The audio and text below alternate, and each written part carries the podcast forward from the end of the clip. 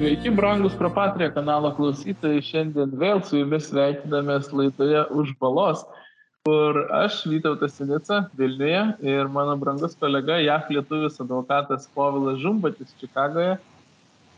Sėdėdami abipus balos aptarėme JAF pasaulio ir kartais Lietuvos politikos klausimus. Sveiki, Povilai.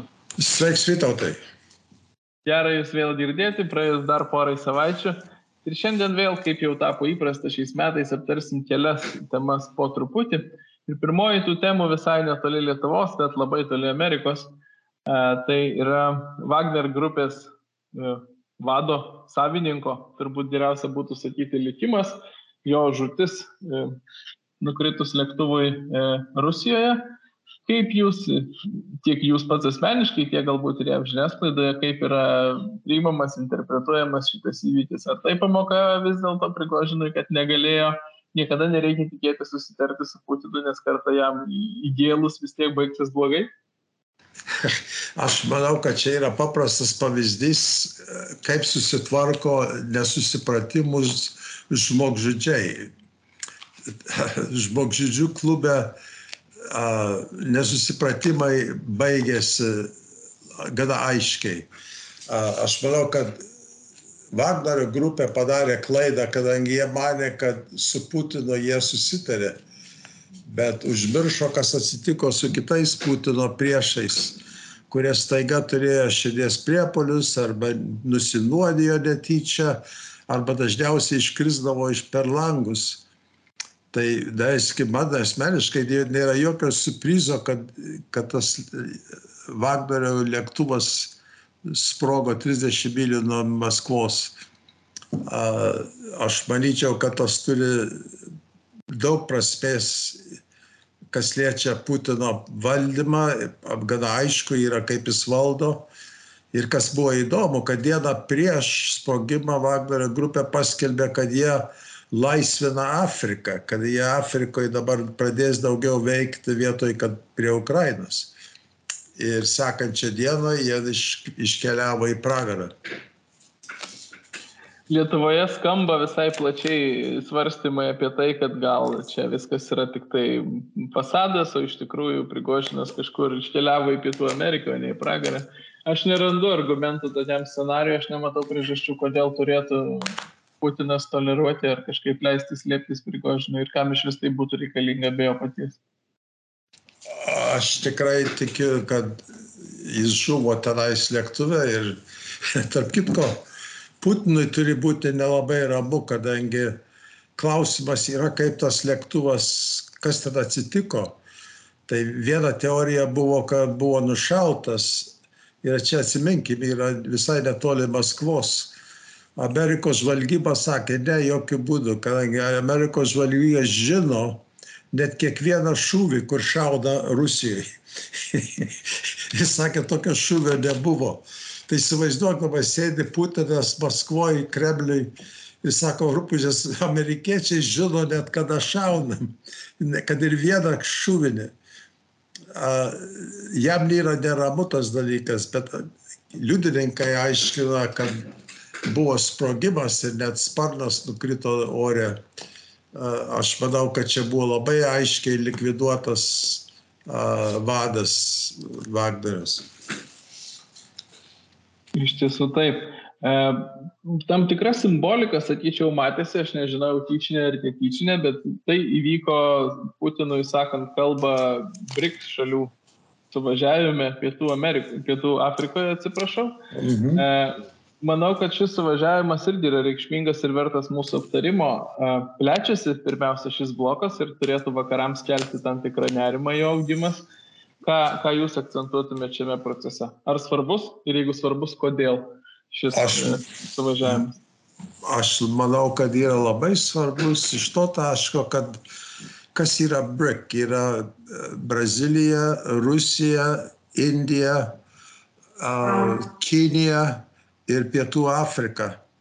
Ir praktiškai jie buvo susiorganizavę kaip undeveloped, neišsivysčios valstybės, kurios kovojo prieš kapitalistus a, ir reikalavo daugiau paramos ir darė tą organizuotai.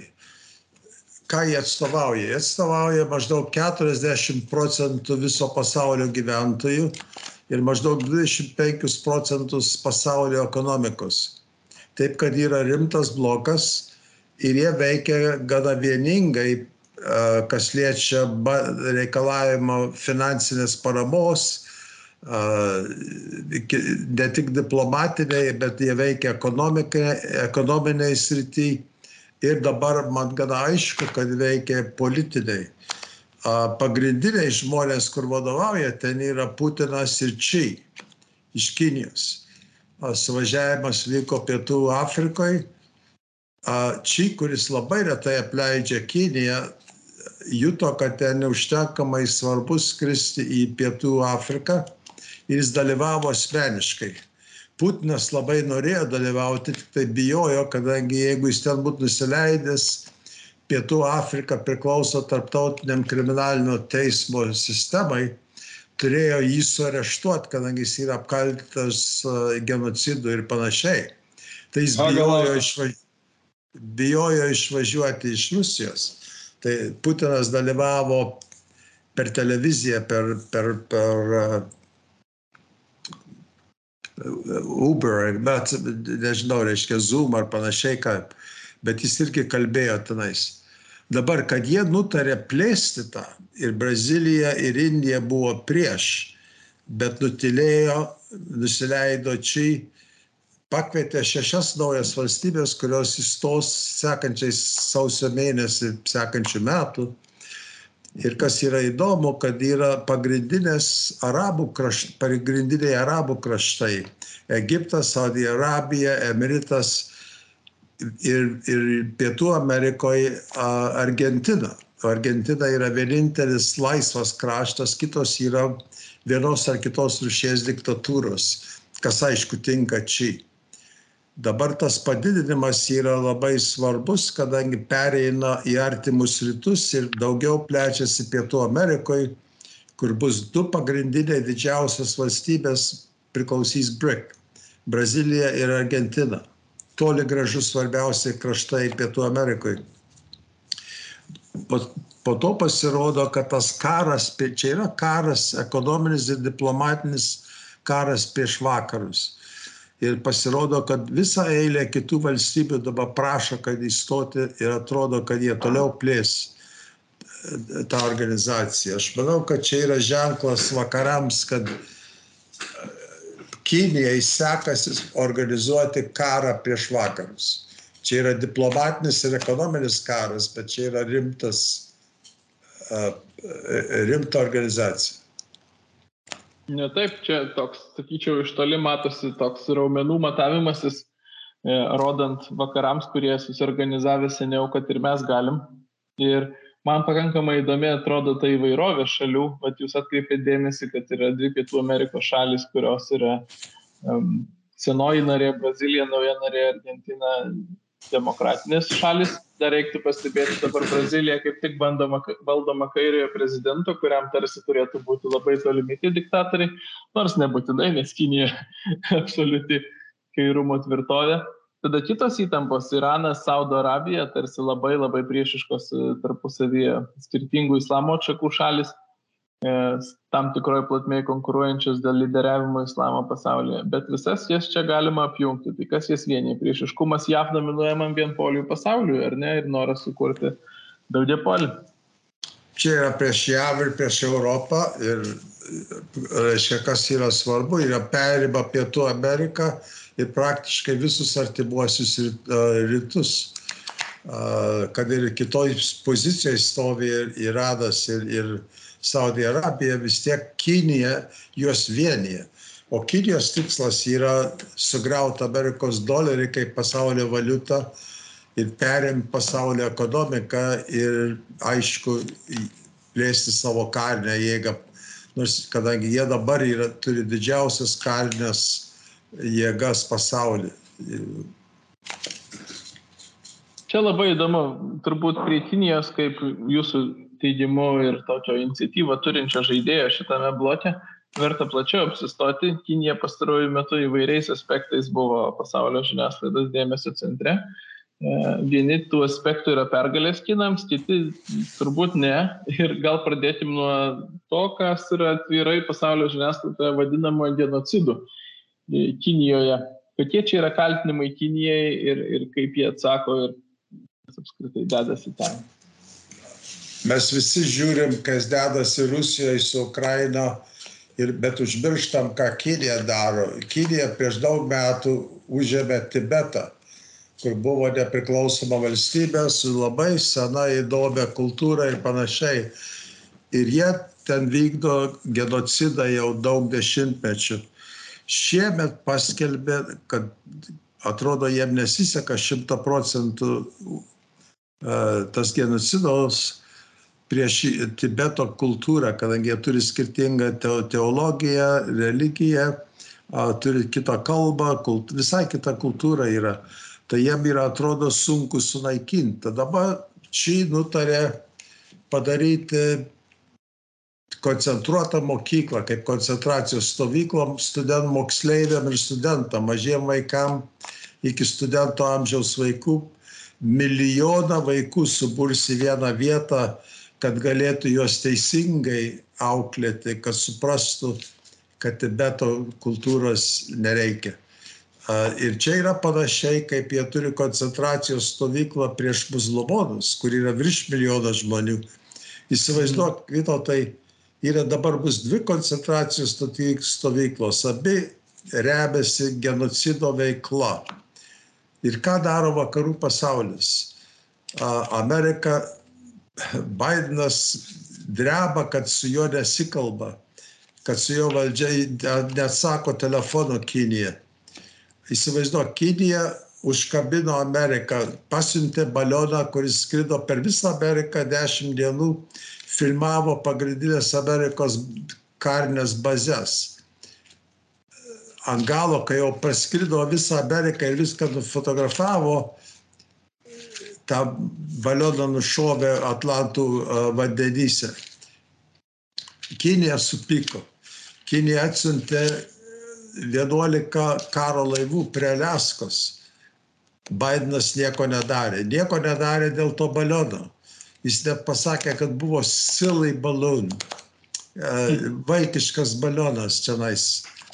Nors aiškiai buvo šnipinėjimo ir mes žinom, kad ten buvo šnipinėjimo balionas kar, dėl karinio šnipinėjimo.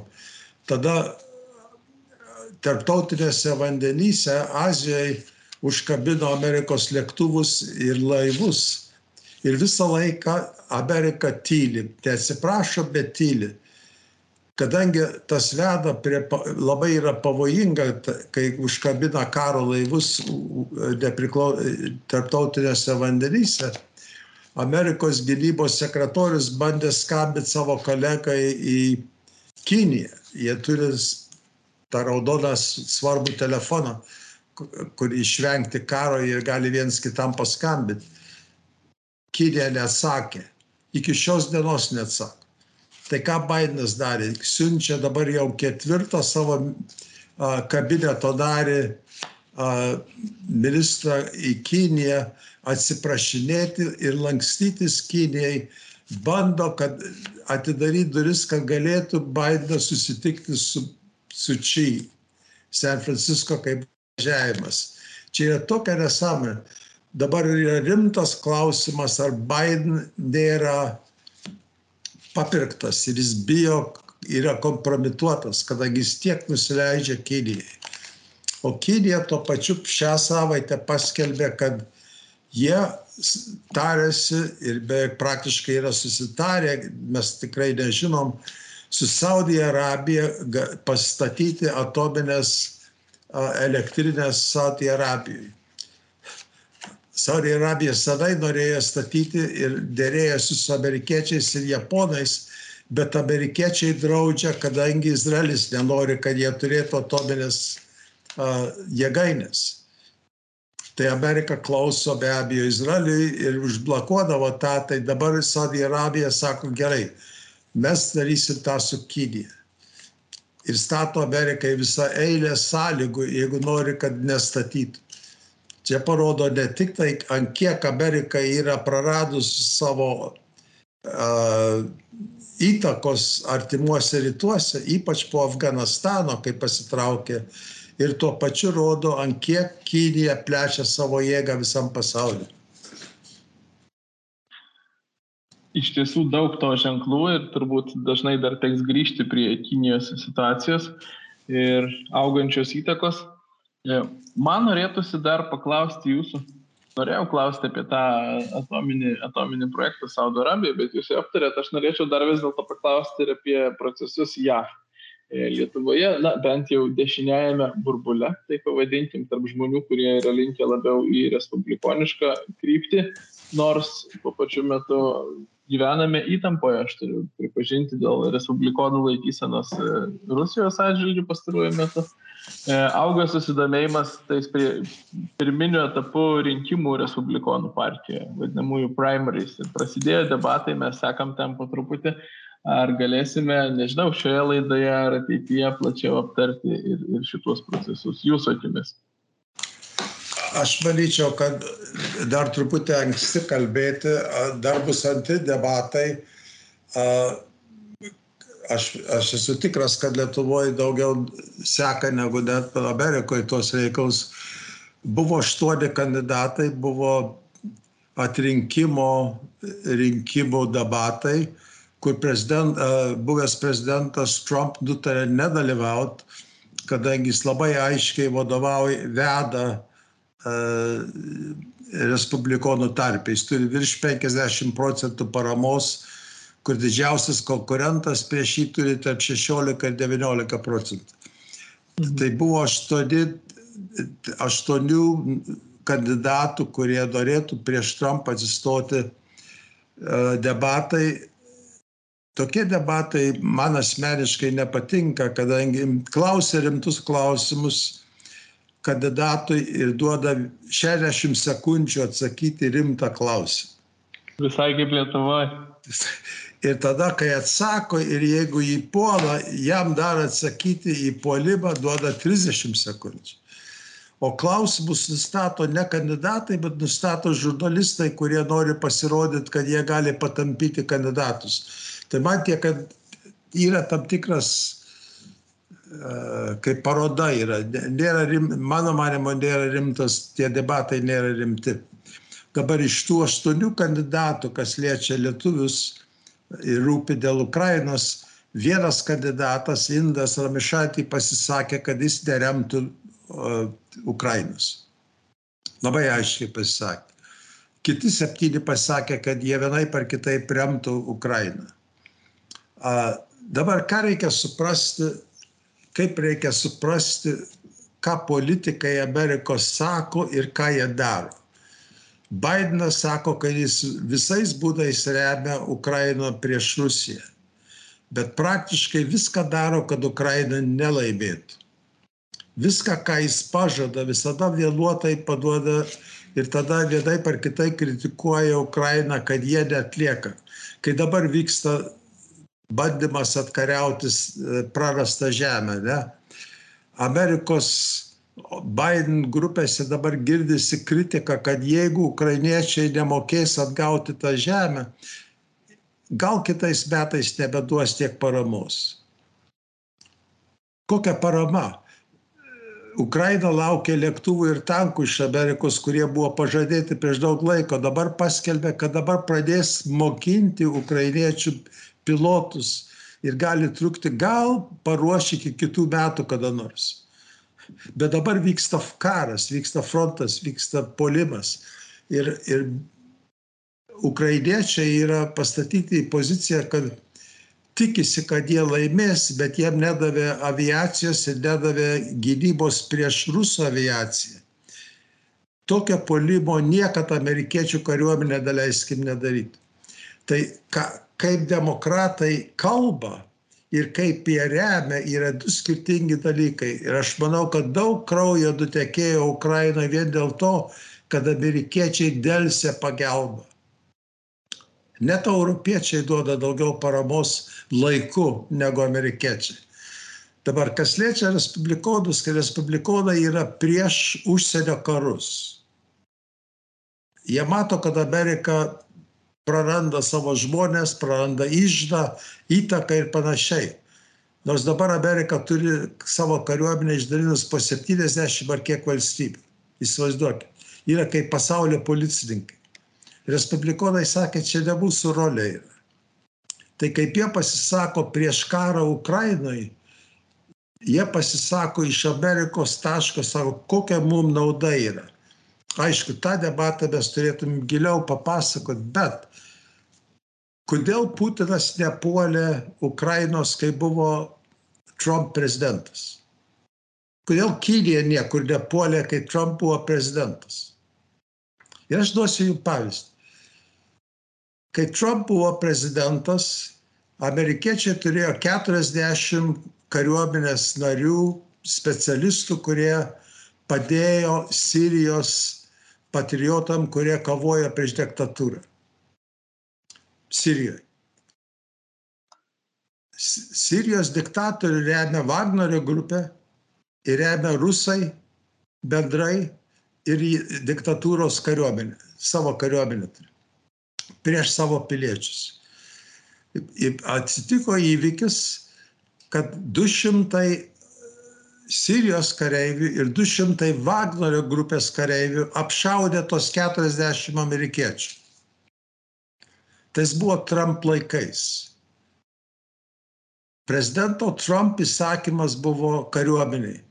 Jeigu užkabina Amerikos kariuomenę, jeigu žuvo bent vienas amerikietis, reikia toj pat reaguoti ir reaguoti rimtai. Ir čia nėra kalbos, čia yra paprastas pagrasinimas priešam. Ne? Kas atsitiko? Apšaudė tos 40, ne vienas amerikietis nežuvo, bet jie buvo apšaudyti. Per 20 minučių tie 400 rusų ir Sirijos kareivių buvo dingę, užmušti su Amerikos aviacija ir Amerikos artilerija. Per 20 minučių. Ir kas atsitiko? Nei žodžio iš Putino, nei žodžio iš Rusijos ir nei žodžio iš Trump. Tik Trump paminėjo kitiem Amerikos priešam Afganistane ir kitur. Neužsikabinkit ir ne, ne, ne, nepulkit amerikiečių kariai. Ir aš manau, kad jie labai labai aiškiai tą suprato. Ir aš manau, kad Putinas tą suprato ir palaukė, kol Bidenas atėjo ir perė, pradėjo karą prieš Ukrainą. Ta pati gali padaryti Kinijoje prieš Taivaną. Kadangi mato, kai yra silpna administracija, kur daug kalba, bet savo žodžių neremia jėga. O respublikonų buvo Reaganas ir buvo Trump, kurie daug nekalbėjo, ką jie darys, bet jie buvo labai aiškiai pavojingi diktatoriams. Tai respublikonų tą debatą reikia suprasti kitaip, truputį kitaip negu vien tik tai per kalbas. Iš tikrųjų, tenka Lietuvoje dažnai kartoti ir sunkiai tas yra priimama, kad demokratų kalbos labai skiriasi nuo darbų galbūt šitas karo etapas pastarųjų pusantrų daugiau metų ir, ir, ir Bideno elgesys per jį, kaip ir jūs akcentuojate, nuolat žada, bet niekada neduoda. Niekada neduoda tiek, kiek žada ir tada, kada žada. E, kiek padėjo pamatyti šitą tendenciją, kad demokratų kalbos visada gražios, bet veiksmai nebūtinai. Respublikonų kalbos retai gražios mūsų regiono simcijos, dažniausiai yra nemalonios, bet to stebuklo nepaaiškinamo, kad prezidentaujant Trumpui nei vienas didysis diktatorius nesėmė kažkokių ekspansijų, kažkaip juk reikia paaiškinti. Ir bent jau aš tai tam jūsų paaiškinimui tikrai pritariu. Aš norėčiau dar vieną pavyzdį duoti, kur Lietuvoje nepastebė, aš nemačiau, kad Lietuvoje reaguotų. Dabar Bidenas desperatiškai norėjo, kad iš Irano jis bando įtikti Iranui, kas yra nesąmonė. Trump buvo nutraukęs ryšius su Iranas, jis buvo prispaudęs juos, kur žmonės net sukilo prieš valdžią. O Bidenas bando atidaryti naują sutartį su jais, įtikti visais būdais. Bet jam trukdo faktas, kad Irano vienas, iš, vienas Irano industrija yra pagriepti amerikiečius, vakariečius ir tada juos parduoti vakarams. Vakarai sako, kad jie su teroristais nesiderė Ir štai dabar Bidenas labai ramiai susidėrėjo, kad penkius amerikiečius paleistų iš kalėjimo Irane. Ir per užpakalinės duris sutika, kad Iranui duotų 6 bilijo, milijardus dolerių, iš, kurie buvo užšaldyti Korejai. Tai už kiekvieną, už kiekvieną belaisvį, kuris buvo neteisėtai pagrobtas Irano, gauna virš milijardo dolerių į ištą. O ką Iranas daro? Gamina drones ir duoda kitą paramą Putinui. Tai čia yra užpakalinės duris, per kurias ateina ekstra pinigų 6 milijardai dolerių, kurie prisidės prie Putino karo prieš Ukrainą. Bet Bidenas labai garsiai kalba, kad jis yra už Ukrainą. Tas pats yra su, su kaina alyvos, tai yra naftos.